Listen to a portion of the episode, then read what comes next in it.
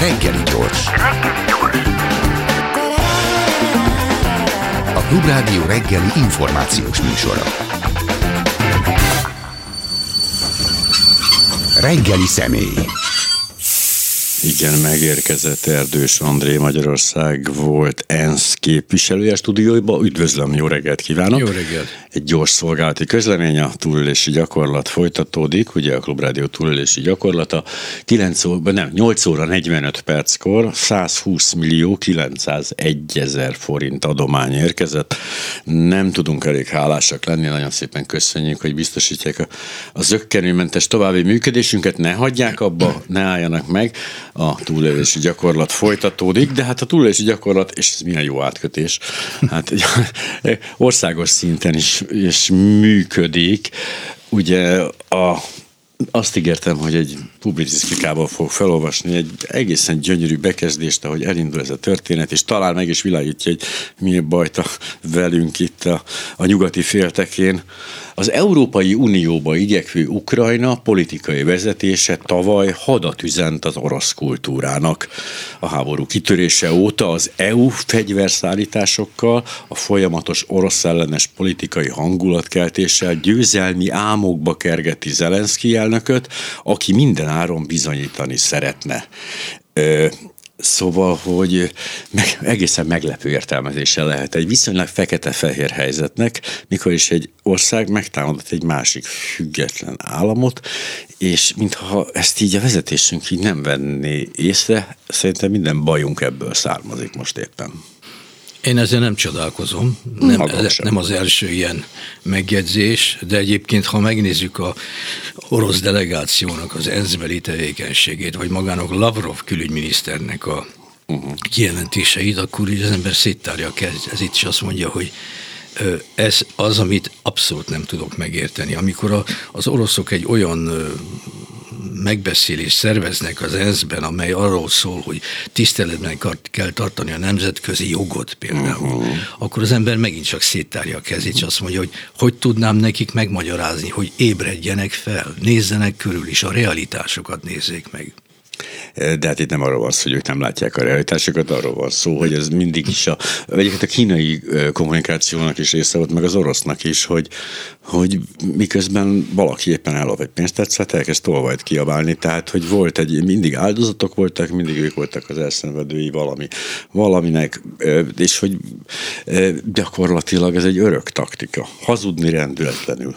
Így van. Ez a retorika ilyen, uh-huh. ugyanakkor a világ azért látja, hogy mi a helyzet, mert például amikor azt hallja az ember itt bizonyos forrásokból, hogy a, a, a világ államainak a többsége az támogatja, egyetért azzal, amit Oroszország csinál. Elég, ha megnézi az ember az ENSZ közgyűlésén a szavazási, szavazati uh-huh. arányokat.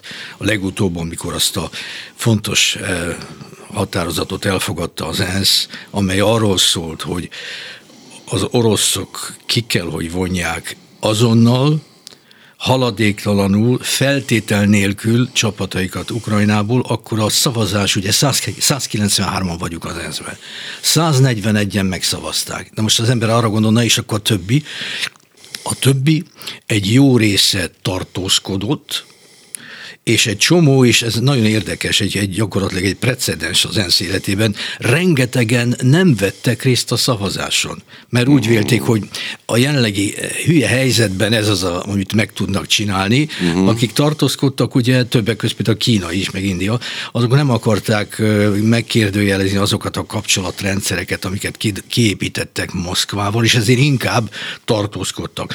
De még egyszer mondom, 141-en egyértelműen ezt a határozatot elfogadták. Tehát ilyen az állá, állása a, a világnak, ami persze nem jelenti azt, hogy a, a, a fronton Ukrajnában ilyen egyértelműen Nyilván. alakulna a dolog, mert az egy egészen más téma. De mi mi szerencsére megtaláltuk a harmadik utat, mert mi a békepártján, mi Vatikán és Izrael, mi a békepártján állunk. Ennek a kijelentésnek a világon semmi jelentése nincsen. Tehát ennél üresebb ilyen nem is a hülyeséget rég hallottam. Nézze, ez így van, ezerszeresen így van, és én már egy éve gyakorlatilag, amikor megkezdődött ez az egész háború Ukrajnában, hallom ezt a fajta retorikát. Ez annyira primitív, uh-huh. hogy igazából az ember nem tudja elképzelni, hogy komolyan átgondolták-e ezt. Egy dolog biztos, és ezt egyébként már megtanultuk sajnos régebről. Az első idő, amikor én ezt megtanultam, pontosabban ráébredtem keserű módon arra, hogy a világban vannak dolgok, amik, amik sajnos túllépnek bizonyos drámai eseteket. Például itt van a 20. században ez a két világháború. Szörnyű, hogy mi történt ott, a béke megszületett ugye 45-ben, és az ember arra gondolt, hogy hidegháború ide vagy oda, ilyesmi újból nem fog megfordul, megtörténni. Ilyen, ilyen rettenetes dolgok, ráadásul Európában.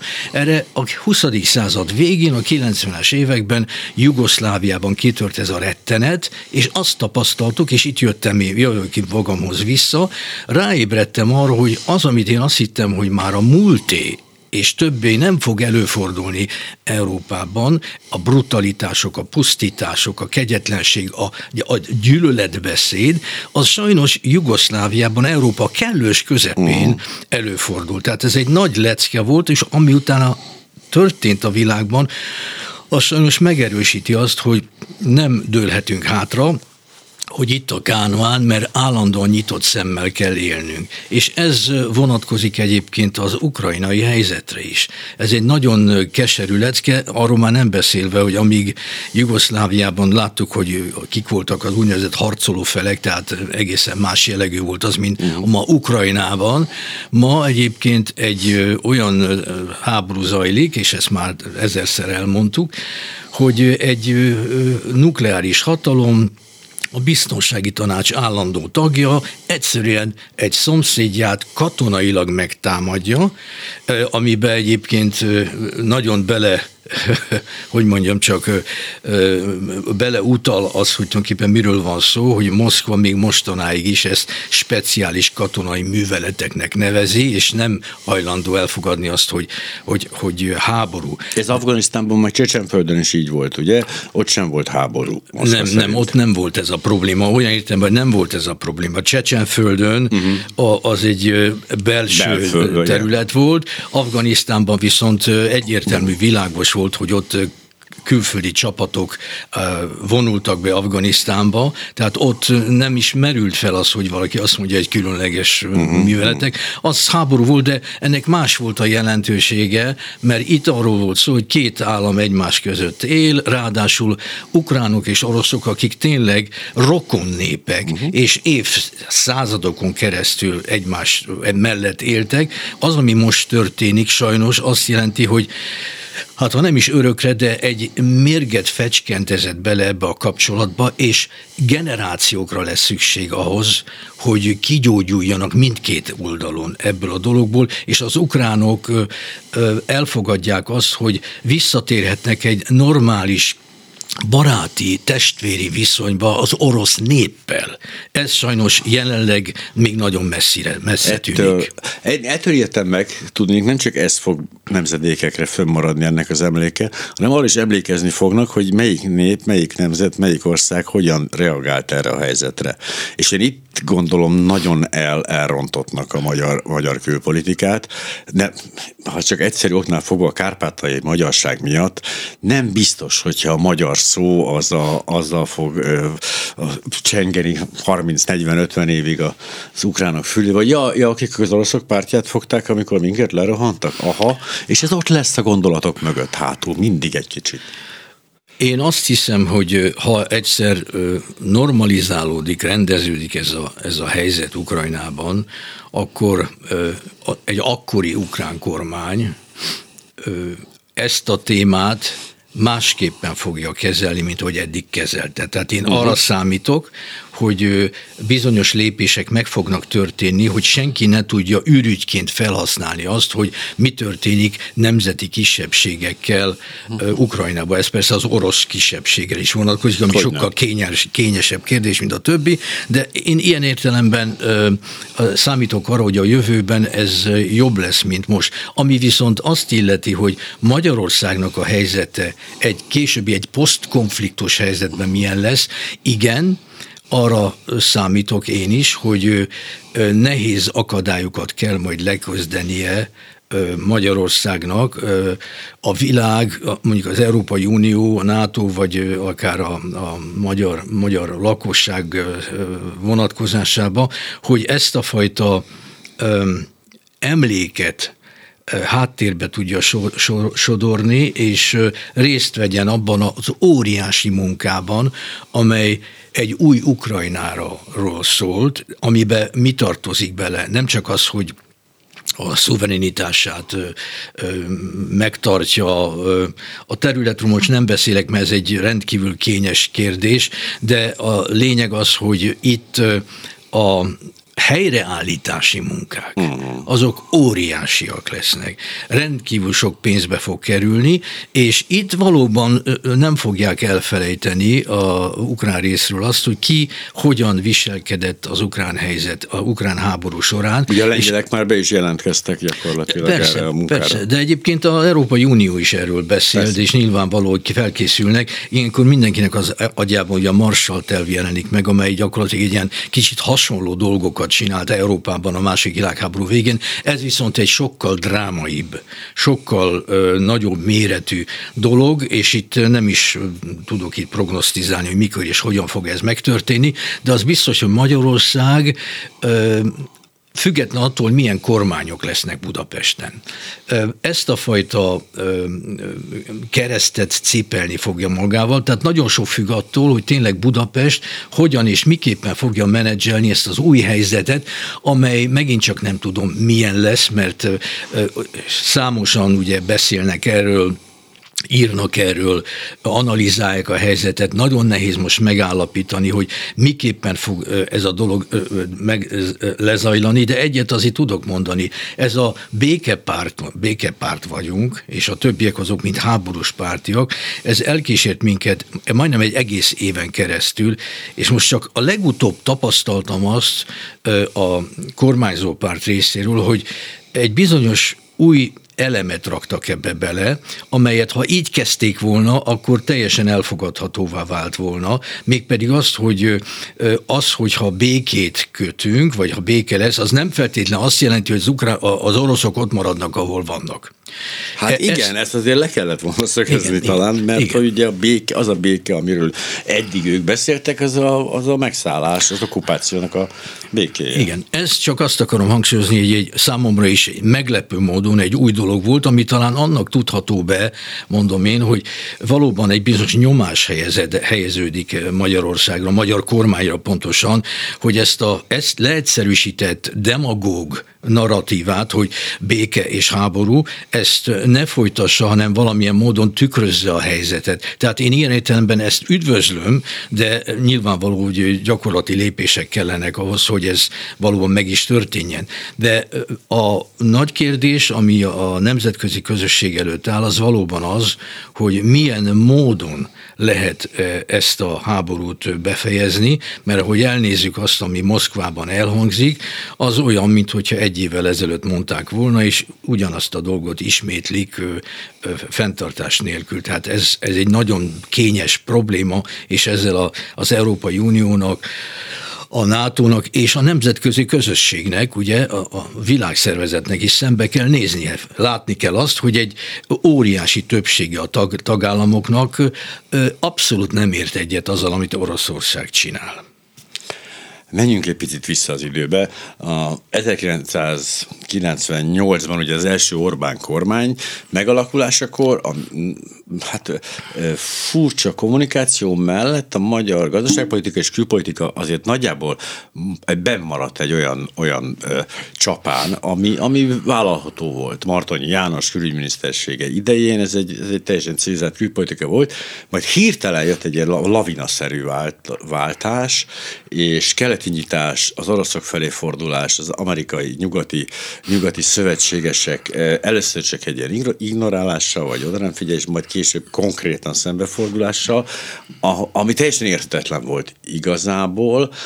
Hát a valuta alapot belekeverték akkor, hogy az milyen borzasztó nekünk, és mennyivel jobb, ha az orosz kölcsönt kapjuk meg, és akkor egyébként is majd mi leszünk a hídfőállás Kína és Oroszország között óriási gazdasági fellendülése. Ennek a gazdasági részéből igazából semmi se lett, de valahogy elköteleződtünk ebbe az irányba, és egyszerűen nem tudom megfejteni a dolgot, hogy mi, mi váltotta ki ezt akkoriban.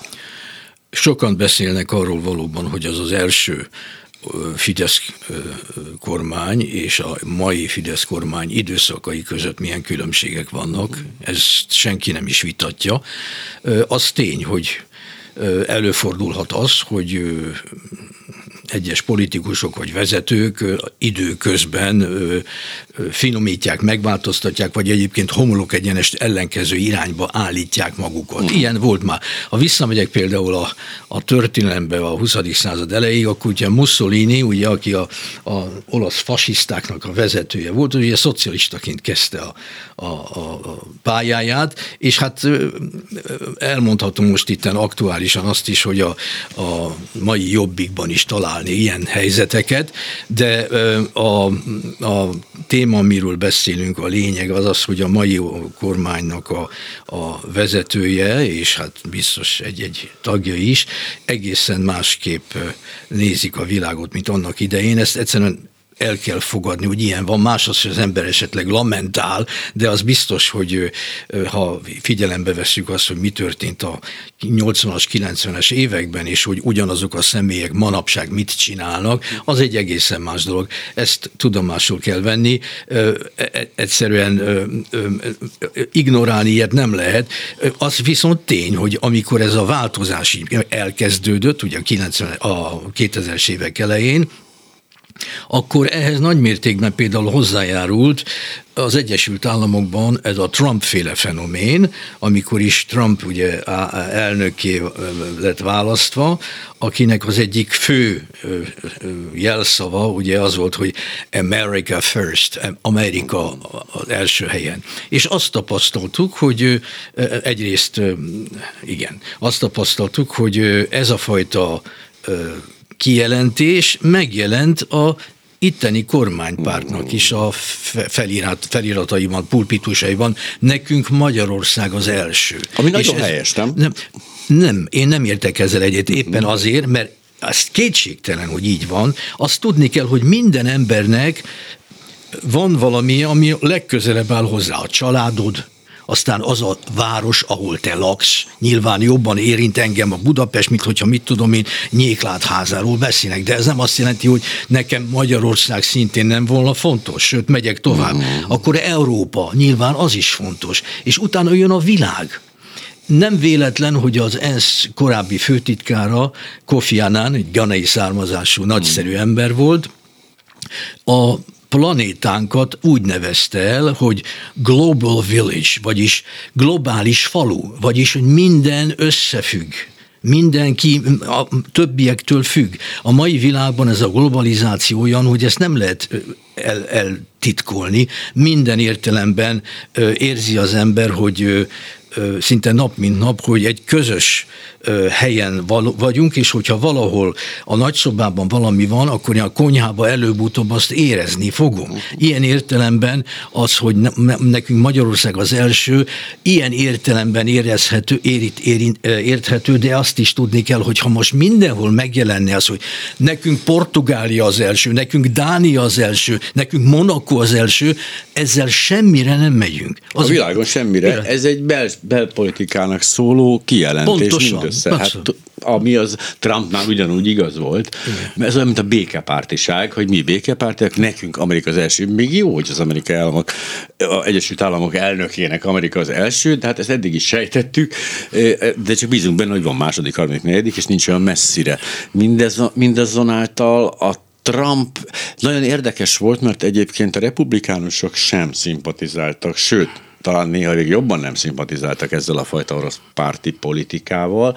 Trump túltette magát ezen valahogy. Igazából nem volt politikus, ez egy pojáca, egy, egy adócsaló, nem túl okos ember. Ő túltette magát ezen, és tényleg gesztusai voltak az Orbán kormány felé, de a republikánusok többsége messze menően nem ért egyet ezzel a mostani helyzettel, ha jól veszem ki a szavakból, vagy a cikkekből. Igen, hát most kezdődik majd a kampány, vagy talán már meg is kezdődött az elnökválasztással kapcsolatos kampány. Azt tudni kell, hogy ha a republikánusokról beszélünk, akkor van egy kemény mag, amely vakon követi Trumpot. Uh-huh. Ez ismerős talán Igen, itt Magyarországban is. És van egy, egy, egy fontos része a republikánusoknak, akik nem követik Trumpot. Ők nekik a céljuk az az, hogy a republikánusok vegyék át a vezetést a demokratáktól az USA-ban, de nem egy Trump-féle politikával, bár azt egyébként még meg kell nézni, hogy a jelöltek kik lesznek, hogyan fognak, hogyan fogják menedzselni ezt az egész kampányt, de az tény, hogy a itteni a miniszterelnökünk korábban is, és most is egyértelműen letette a garast Trump mellett. Igen. Én azt mondanám, hogy ezzel kicsit finomabban kell válni, és várni kell, és nem így vagy úgy kell ezt a dolgot csinálni, de hát már megszokhattuk azt, hogy ilyen eléggé hirtelen és eléggé meggondolatlan kijelentések környezték meg ezt a, ezt a kormányt már nagyon régóta. Ez kétségtelen, hogy akkoriban ez egy nagy csalódás lehetett nyilván, a egyesek számára Magyarországon, hogy Biden győzött az elnök választáson. Magyar diplomáciai nyelv is megváltozott borzasztóan azóta, mióta mi feltaláltuk magunkba a tudatot, meg a, a kipcsák létet. Tehát a, olyan kijelentések hangzanak el a Szijjártó Péter részéről, vagy Orbán részéről, amik egyszerűen a diplomáciával hát nem, nem, egyszerűen nem, nem, nem oda illenek. Ez már, bárhol mehet ez egyébként egy Skander versenyen, Nyéklátázán, ahogy említette, egy csomó helyen, de mintha tudatosan ezzel is a jelentőségünket akarnánk így, így kihangsúlyozni, hogy mi megmondhatjuk, igen, és oda mondjuk, és hogy Donald Trump a, teljesen kontraproduktív egy ilyen kijelentést tenni, hisz ha most demokraták nyernek, akkor miért jó az nekünk, hogyha mit tudom, négy évig utálnak minket, amiatt, hogy mi a Trumpnak szurkoltunk, semmi értelme nincsen. Igen, a a narratívája, a szóhasználata ö, egyeseknek itt Magyarországon a diplomácia nyelvén, a kormányzás nyelvén kétségtelenül, hogy eltér az eddig megszokottaktól, és ö, ez a fajta ö, beszéd, ez a fajta szóhasználat járult hozzá többek közt ahhoz, hogy már eleve nagyon sokan furcsán figyelték azt, hogy Magyarország a nemzetközi politikában mit csinál, de ezek a fajta kijelentések, kifejezések még jobban oda tosztolt, toltott, tolták Magyarországot, uh-huh. hogy valóban nyugodtan ezt a szót el lehet mondani, mert én úgy érzem személyesen, hogy ez kifejezi azt, hogy mi van. Magyarország az Európai Unióban, a NATO-ban egy párja országgá vált. Egy olyan speciális országgá vált, akit mindenki furcsán néz, és ezek a kifejezések, amik a legfelsőbb szinten elhangoznak, beleértve a külügyminiszterünket is, nyilvánvalóan nem illik bele abba a normális menetbe, amit, amit megszokott az ember. Ugye előfordul az, hogy egyes országok között nézeteltérések vannak. Uh-huh. Ez különbözőképpen lehet ezt menedzselni. Ez például előfordul az, hogyha tényleg ilyen súlyosabb dolgok vannak, de ez nem feltétlenül azt mondja, valaki kiáll és elkezd üvöltözni a mikrofonba, hanem Igen. például hazahívják konzultálni a nagykövetet. Vagy pedig egyáltalán hazahívják a nagykövetet, és nem küldik vissza az állomás helyére. Előfordulnak az is, ez már drámai dolog, amikor megszakítják a diplomáciai kapcsolatot egymással. Ez ugye? már súlyos, igen. Így van. De az a, a, a, a narratíva, amelyet most hallunk itten, a, tehát ami nyilvánosan, nyilvános helyeken ö, hangzik el, vezető politikusok részéről, nyilvánvaló az elősegíti azt, hogy Magyarország még jobban beszorul ebbe a, a dologba. Ugye hát most éppen mai napon beszélünk erről, amikor is lesz majd egy ilyen valamiféle sajtókonferencia az amerikai nagykövetség, és majd meglátjuk azt, hogy az amerikai nagykövet mit mond, mit nem mond, de az biztos, hogy a magyar-amerikai kapcsolatok, még egyszer mondom, az Európai Unió sem marad ebből ki, de hát Abszolút. az Amerika nyilván speciális ország, tehát a magyar-amerika kapcsolatok a mélyponton vannak. És itt hangosan mondanám még egyszer lassan, hogy mindenki értse, hogy a mélyponton vannak, mert olyan dolgokat enged meg magának a magyar diplomácia, a magyar diplomácia vezetése és a magyar kormány, amely nem illik bele a, abba a módszerbe, hogy ezt szokták kezelni, arról már nem beszélve, hogy ha megkaparjuk a felszínt és nézzük, nézzük a lényeget, akkor azt látjuk például, hogy például mi békepártiak vagyunk, ti meg háborút akartok. Uh-huh. Tehát ez, ez egy bonyolult helyzet, amelyből a magyar diplomáciának előbb-utóbb ki kell majd szabadulnia, mert nagyon sok kárt okoz ez az ország számára, és azt tudni kell, hogy a világ, amely egy ilyen globális falu, abban van egy ilyen kisebb csapat. És ez pedig az úgynevezett ugye a, a a nyugat, tehát a NATO, Európai Unió. Ezen belül mi részei vagyunk ennek, de a mi helyzetünk egyre nehezebbé válik ilyen szempontból, és a perspektíva, ha ez nem változik, akkor semmiféle jóval nem kecsegtet. Ez jól tükrözi egyébként a Fidesz kiszorulása a néppártból és a perifériára szorulása, viszont az elég érdekes, hogy mi a különbség a kommunikáció, az Egyesült Államokkal való kommunikáció és a Európai Unióval való kommunikáció között, mert mintha egész más lenne a viszonyrendszer, egész más a hang, egész más a dinamika. Hát egyiket sem nevezném normálisnak és jónak, ja. nyilvánvaló dolog, de hát itt tudni kell az, hogy végül is a a nyugati világ, hogy ezt a szót kifejezzem, amelyben ugye beletartozik nem csak Európa, hanem egy csomó más mhm. ország is, abban a vezető szerepet az Egyesült Államok vezette, vezeti, töltötte be ezernyi okok e, ok miatt, és ez okozta azt, hogy érthető módon az Egyesült Államokra sokkal jobban odafigyelnek az emberek, és nem mondhatjuk azt, hogy oké, okay, hát most itten most a belgák valami más dolgot mondanak, vannak, de túl leszünk ezen, viszont ha az Egyesült Államoknál vannak ilyen problémák, akkor azt nem lehet ezen figyelmen kívül hagyni. Tehát még egyszer mondom, az Egyesült Államok ilyen szempontból központi szerepet játszik, még akkor is teszem hozzá, amikor Európában jelentkeznek olyan vélemények, olyan álláspontok, hogy Európának a jövőben egy még komolyabb centrumnak kell lennie a világban, biztonsági értelemben és gazdasági értelemben is, és ezért ki kell alakítani Európa számára szintén egy, egy, egyfajta olyan stratégiát, amely, amely biztosítja azt, hogy Európa fel tudja, fel tudja használni azokat a előnyöket, amelyen rendelkezik. Még én most személyesen hozzáteszem azt, ez így oké, okay, de ez semmiképpen nem jelenti azt, hogy bármilyen módon ellentmondásba, ellentétbe kerüljünk az Egyesült Államokkal, mert azt tudni kell, hogy a, a, ez egy alapvető játékosa a nyugati világnak, és ezért itt megfelelő módon kell politizálni. De persze itt most Magyarország esetében messze nem erről van szó, itt a jövőről van szó, és valóban arról, hogy Európa tegyen meg több erőfeszítést annak érdekében, hogy a hangját hallassa,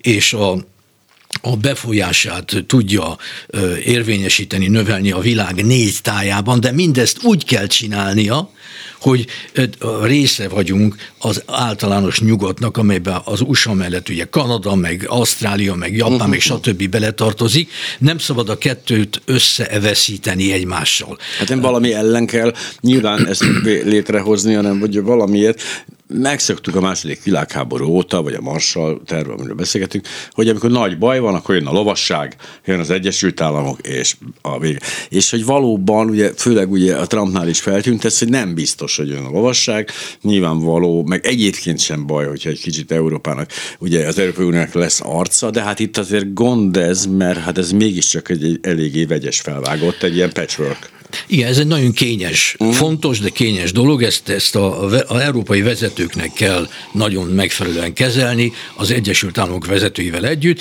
Az kétségtelenül az USA jelenleg egy nagyon bonyolult helyzetben van. Azt is lehet mondani, hogy sajnos ketté szakadt az USA. Hát mindig volt ez a kétpárti rendszer, rend, ezt tudjuk, de most mindenképp minden előtt a, a Trump-féle politika eredményeképpen tényleg olyan olyan mered, ilyen, ilyen szakadékok húzódnak a különböző amerikai ugye, csoportok között, amelyek korábban nem léteztek. Ezt a kampány, ami most folytatódik, még jobban ki fogja élezni, és itt többek közt arról is van szó, amiről az előbb beszéltünk, hogy magában a republikánus táborban is ugye ez a fajta szakadás nagyon jelen van, és majd meglátjuk azt, hogy milyen módon tudják ezt le, le, megkezelni, de én magam a személyes álláspontomat azt elmondom, hogy amikor Trump elnökként dolgozott az Egyesült Államokban, én úgy véltem, és most is úgy vélem, hogy ez egy szégyen volt az Egyesült Államokra, hogy olyan aktusokat, olyan kijelentéseket tett, amely számomra elképzelhetetlen lett volna korábban az USA-ban.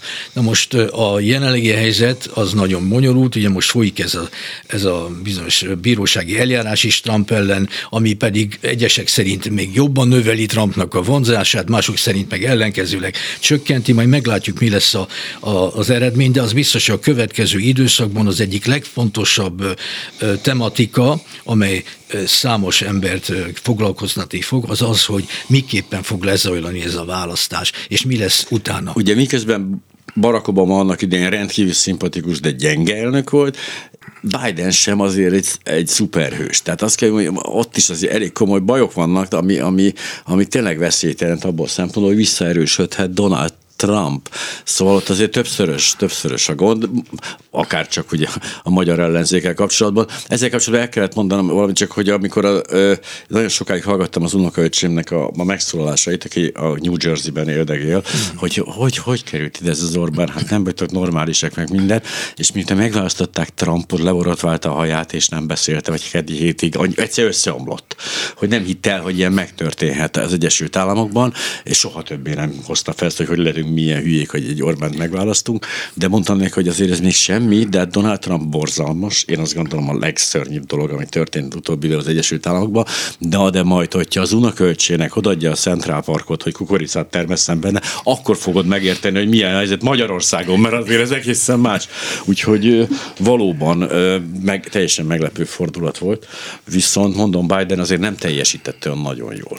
Minden esetre azt meg tudom erősíteni, hogy a Central Park Amerikában függetlenül a kormányoktól mindig ott fog maradni, mm-hmm. és nem fognak ilyesmiket termeszteni, mert az egy nagyon nagy, okos lépés volt annak idején, hogy a város kellős közepén egy ilyen hatalmas zöld mező, zöld területet alakítottak ki, és tényleg a, a egyik legcsodálatosabb látványa New Yorknak.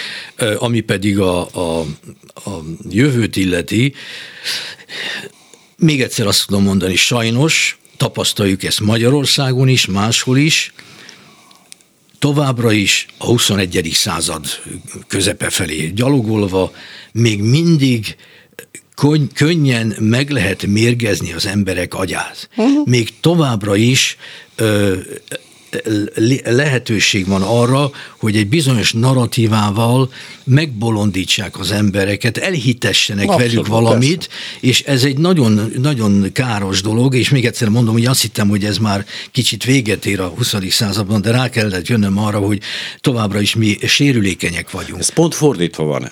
Ugye én olvastam egy, miért valaki ezt hinni, nem akarom összehasonlítani semmit semmivel, de olvastam egy tanulmányt arról, hogy a, a harmadik birodalom felépülésekor azokon a helyeken, ahol a jó rádió, rádiódást lehetett fogni, sokkal nagyobb volt a náci párt szavazóinak száma, mint ahol nem, ahogy működött a propaganda. Most, hogy mindenhova el lehet juttatni, most, hogy teljesen be vagyunk hálózva, szerintem a helyzet sokkal rosszabb ebből a szempontból, sokkal jobban lehet agyakat mosni, sokkal jobban lehet meghűíteni embereket, és tehát most gyakorlatilag felfele ível ez a szakma.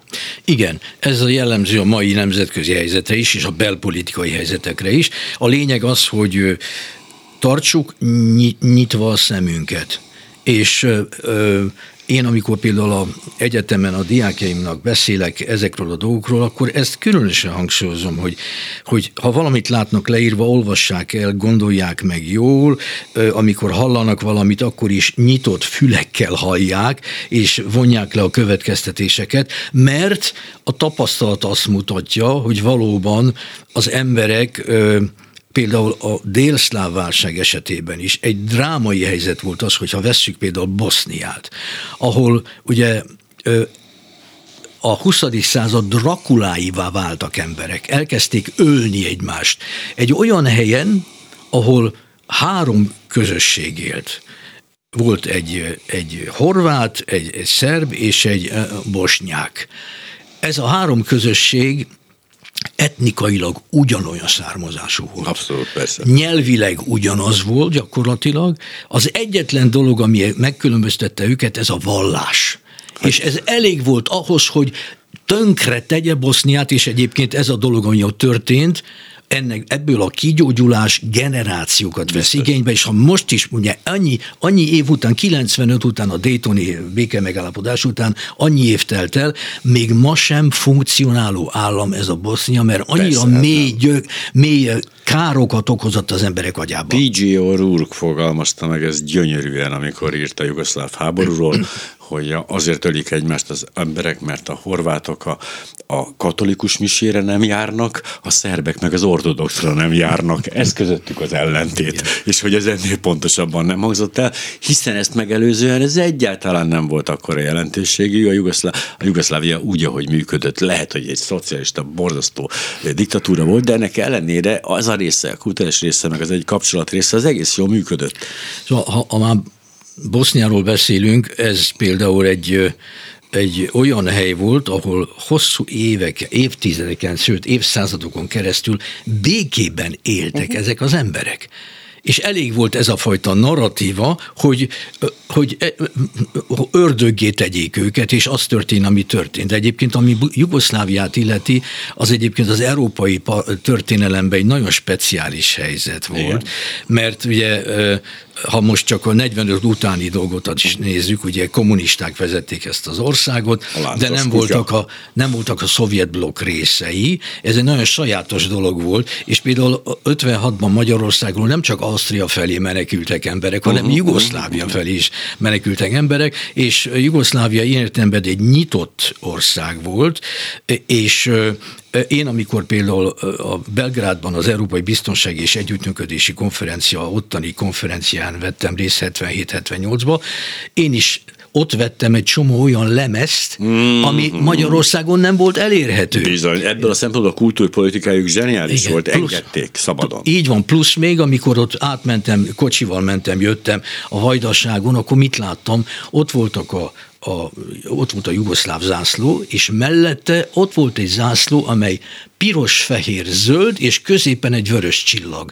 Tehát egy kombinációja a jugoszláv mhm, zászlók és a magyar zászlók, tehát hogy a magyar kisebbség így tudatosított azt, hogy ott vagyunk, ami egyébként akkor Csehszlovákiába, vagy a szovjet Ukrajnába, nem, el nem, vagy Romániába hát el nem képzelhető lett volna. Holott egyébként Románia is különutas politikát járt egy kicsit, ugye emlékszünk rá, nem féltek az olimpiától, hogy ott megölik a sportolóikat, elmentek, ők is próbáltak egy kicsit leválni a Szovjetunióról. De nacionalista alapon. Abszolút. Ez van.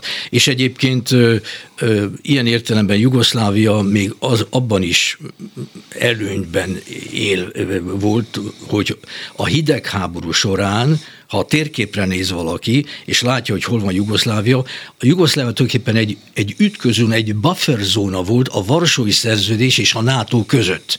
Tehát elválasztotta őket, igen, és mind a kettőnek az érdeke az volt, hogy ez maradjon így, mert így nem vagyunk egymással ennyire hogy határosak. Amikor szétbomlott Jugoszlávia, sajnos a fontossága és az előnye a volt Jugoszláviának megszűnt, és ennek következtében történt az, ami történt Jugoszláviában. És nagyon finom kis mellékszállott még az albán, albán szerepe a létező szocializmusban, amit ők hozzátettek ehhez. A Albánia ilyen értelemben egy, hogy már csak, ha azt mondom, hogy egy ilyen ö, egy, egy speciális eset volt. Egy ilyen, igen, például amikor a, a biztonsági tanács annak idején a hidegháborúban egy fontos esemény volt, hogy leültek egymással szemben egy asztal körül a kelet és a nyugat.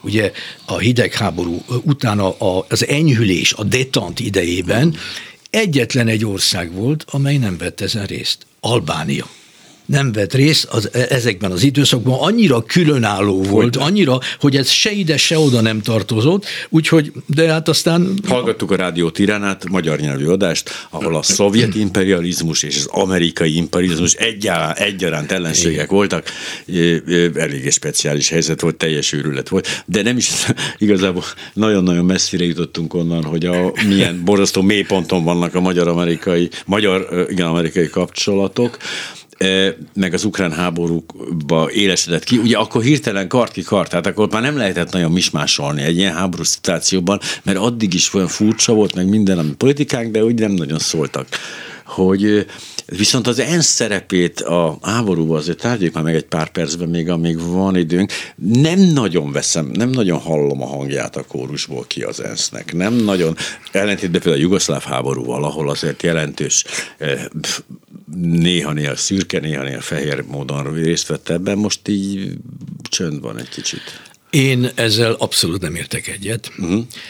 ugyanis az, az ENSZ, amit tud, azt megtesz. Itt hangsúlyozom azt, hogy amit tud, megtesz, uh-huh. éppen azért, mert az egyik résztvevője ennek a jelenlegi krízisnek, háborúnak, úgy adta a jó Isten, hát, igen, hogy a biztonsági tanács állandó tagja, és vétójoggal rendelkezik, tehát egy bizonyos távolságig el tud menni az ENSZ, és ez pedig a közgyűlés, ahol úgy határoznak, hogy nincs senkinek vétójoga. Igaz, hogy a biztonsági tanács határozatai uh-huh. a béke és biztonság területén nemzetközi jogilag kötelezők. A közgyűlésnek a határozatai politikai, morális erővel rendelkeznek, de jogilag nem, kötelez, nem kötelező. Ilyen értelemben az ENSZ éppen ezért fordul a közgyűléshez, és a közgyűlés már a háború kitörése óta, tehát akár 14 óta is több, többször határozatot fogadott el, és ezekben a határozatokban egyértelműen az a álláspont világlik ki, hogy az oroszoknak abba kell hagyni ezt a háborút, ki kell vonni, ki kell vonulniuk Ukrajnából. Tehát ilyen értelemben én azt mondom, hogy sapó, tehát a közgyűlés az a 141 ország. Uh-huh. Az egyértelműen ezt az álláspontot képviseli. Ahogy mondtam korábban, a, a többiek azok ilyen mismásra. Nem mondták, hogy igen, igen. kivéve az a, azt a 5-6-7 országot, amely egyértelműen az oroszok mellé sorakozott fel, tehát Belarus, Eritrea, soha nem értem meg, hogy miért egyébként, Szíria, Észak-Korea, köszönöm szépen, hát a, a, maga a felsorolás is mutatja azt, Igen. hogy kik azok, akik az oroszok mellett szavaznak, tehát még egyszer az ENSZ működik, Guterres főtitkár járt is már Kievben, és számtalan olyan lépést tett, ami mutatja azt, hogy az ENSZ hogyan áll hozzá ehhez a dologhoz, de azt is tudni kell, hogy ha, ha netalántán valami eljut a végpontig, és a biztonsági tanácsnak kell döntenie valamibe, uh-huh. amit aztán mindenkinek végre kell hajtani, az oroszok ott beteszik a küllő közé a, a, a botot, és kész, nincs, nincs tovább. Igen, azért hát, ha nem mindenki hallgatja az elejétől a műsort, elmondom önöknek, hogy Erdős Andréval Magyarország volt ENSZ képviselőjével beszélgetünk, de ez a helyzet korábban is felállt a Szovjetunióval kapcsolatban, amiből azt a következtetést tudom csak levonni, hogy ha valamit akarunk csinálni, ami hatékony, akkor nem vonhatjuk bele mind a, a, a, az szemben álló feleket, nem lehet benne a Szovjetunió és az Egyesült Államok, mert akkor soha, de soha nem fog a biztonsági tanács valamiféle egyöntetű döntést hozni. Tehát ez egy kicsit olyan, hogy a egyet az ultizóknak, egyet a betlizőknek, hát egyezzenek meg, nem fognak. Tehát, hogy eleve egy olyan szituáció jön létre ezáltal, ami döntésképtelenné teszi a dolgokat, hisz az agresszor sose fog önmaga ellen szavazni. Ilyen esetek már az elmúlt évtizedekben többször előfordultak, amikor olyan témák kerültek a biztonsági tanács elé, amelyben közvetlenül szovjet érdekek, vagy nyugati érdekek voltak, és ilyenkor valóban nem tudott lépni a, a, a biztonsági tanács. Ezt tomásul kell venni, mert az ENSZ alapokmánya, amikor 45-ben létrehozták, ugye a második világháború végén, az úgy alakult ki, hogy a biztonsági tanács állandó tagjai azok a győztes hatalmak voltak, akik a hitleri náci Németország ellen győztek, és így alakult ki ez a jelenlegi helyzet. Ezt a helyzetet a hidegháború során sokan úgy mondják, ö, dicsérni kellett, mert megóvta meg, a világot attól, hogy egy, egy katonai konfliktus álljon össze a két csoport között, mert nem lehetett elmenni odáig, amíg az egyik bedobja a török, és azt mondja, hogy na akkor le vagytok izélve, itt most már nem tudok más csinálni, mint katonailag fellépni. Tehát ez ilyen értelemben, még akkor is, hogy egy ilyen vegyes dolog, hozzájárult ahhoz, hogy a hidegháború során során, amely, amelyben számos tényező és, és, és ö, feszültség jelentkezett a világban, ki tudtuk kerülni ezeket a Tehát nagy ez tartotta fönt a kommunikációt gyakorlatilag a, a szemben álló felek között, ENSZ nélkül ez másképp alakult volna? Hát ha nincs ENSZ, a jó Isten tudja, hogy mi történt volna a világban. A, az ENSZ az egy Ö, hogy annak idején ugye Madeleine Albright volt amerikai külügyminiszter, mondta, egy, egy indispensable, tehát egy, egy, egy kis, egy elkerülhetetlenül fontos szervezet, és ezért hozták létre az ENSZ-t a másik világháború után. Ne felejtsük elünk, az első uh-huh. világháború befejeződött, akkor is létrehoztak egy ilyen nemzetközi univerzálisnak titulált szervezetet, a, a Népszövetséget, a Nemzetek Szövetséget, szövetségét uh-huh. pontosan. Éppen azért, hogy a háború után tegye rendbe Európát. Na most az más kérdés, ez hogyan alakult. Lényeg az, hogy a, jött a második világháború, és utána viszont szintén a világot rendbe kellett tenni. Jött az ENSZ, tehát az ENSZ olyan, hogy ez az egyetlen egy unikális nemzetközi szervezet, ahol mindenki ott van, aki függetlenné válik, rögtön kopogtat az ENSZ-nek a ajtaján, hogy beengedjék őt oda, mert ugyanis az ENSZ-ben mindenki feláll és elmondhatja, mi a véleménye. Tehát egy olyan országok, amiket nem tudom, hogy a budapesti utcákon tudják az emberek, hogy Trinidad és Tobago, vagy pedig Kiribati hol van, azoknak a képviselői is felállnak, mindenki hallgatja őket, és elmondják, hogy mi a vélemény. Ez az ENSZ-nek egy óriási előnye, hogy mindenki ö, ö, ö, ott van, szuverén egyenlőség alapján, uh-huh. egyfajta, egy szavazata van mindenkinek, kivéve, még egyszer mondom, a biztonsági tanács, ez egy másik dolog, de amikor a közgyűlésen szavazunk, az a 193 országból Kanada is, meg, meg a Maldív szigetek is egy-egy szavazattal rendelkeznek. Ilyen értelemben ez elismeri a világ államainak a szuverenitását. A biztonsági tanács meg tükrözte a nemzetközi helyzetet, és azt is hozzáteszem, most is tükrözi a nemzetközi helyzetet, és itt közvetlenül lépnénk tovább azzal, hogy oké, okay, na most 45 az akkor volt, most 2023-at élünk, hogy az elmúlt majdnem 80 évben bizonyos változások történtek a világban, tehát számosan azt mondják, sőt azt is mondanám, hogy senki nem mondja, hogy nem, hogy nem kellene növelni a biztonsági tanács tagjainak a számát, és sokan előjönnek azzal, hogy új állandó tagok kellenek oda. Bizony. Magam is gondolom, hisz ugye a második világháború lezárását tükröző helyzet azért Ázsia és egyebek miatt nagyon-nagyon megváltozott, és az erőviszonyok is felborultak. De azt akartam én megkérdezni, most láttam, hogy kettő percünk maradt mindössze a beszélgetésből, hogy egyébként a, az oroszokkal, Szovjetunióval, stb. való bármikori kommunikáció az elmúlt 80 évben az ENSZ-ben, az mindig ilyen volt, ilyen nagyon furcsa valahogy, egyszerűen, mintha e, reflexből azon, le, maguk lőtték le a koreai gépet, mi nem voltunk ott, tehát reflexből jön a hazugság, és ez annyira annyira szisztematikus, annyira primitív, fájdalmas, de mégis úgy néz mint egy nemzet stratégia, hisz a szovjet érában és az orosz érában is hasonlóan reagálnak. Hát ez egy nagyon bonyolult kérdés. Rengeteg kérdéssel vesződtünk az elmúlt 80 évben, ahol szavazni kellett, hol a közgyűlésen, hol a biztonsági tanácsban, és még egyszer mondom, az egy eredménynek tudható be, hogy nem jutottunk el a szakadék szélére, hanem valamilyen módon például úgy, hogy megszerkeztünk egy, egy javaslatot, és azt úgy szerkesztjük meg, hogy végül is el tudja fogadni mindenki, mert ugye a szövegszerkesztésben egy-egy szónak jelentése, jelentősége van, és addig történik a szerkesztői munka, amíg egy kompromisszumot nem tudunk elérni. Tehát ilyen értelemben ez egy nagy munka volt az ENSZ-ben. Még egyszer mondom, mm. az ENSZ elkerülte azt, hogy egy újabb világháború a két tábor között kitörjön, mert voltak veszélyes időszakok is. Akadtak. De végül is a tárgyalások azok nagyon sokat számítottak ilyen értelemben. Minden esetben én nagyon szépen köszönöm Erdős Andrénak, Magyarország volt ENSZ képviselőjének, hogy itt volt. Várjuk meg a ma 5 órát, én tényleg komolyan azt fogom ma várni, hogy meghallgathassam, mi, mi fog történni.